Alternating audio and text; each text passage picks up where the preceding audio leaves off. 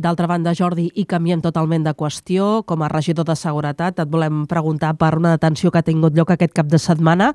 Afecta un jove doncs, per l'apunyalament de dos nois en una discoteca.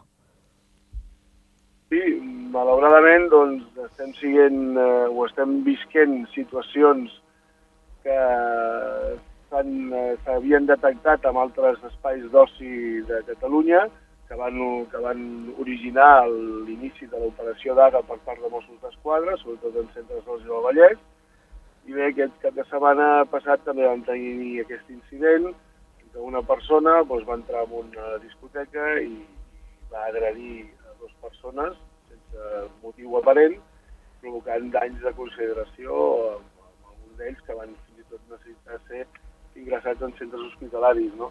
Sabem que les víctimes doncs, eh, estan bé dins de la gravetat del fet, és a dir, la seva vida no corre perill, però sí que va haver-hi moments de certa tensió davant la, la incertesa de l'agressió. La, I el que ens hem de felicitar és de la, doncs això, de la ràpida actuació de la policia local i de, que, que va intervenir i que van poder detenir el presumpte autor, que ja està a disposició judicial i que esperem doncs, que, sigui, que, que passi a presó preventiva davant la gravetat dels fets.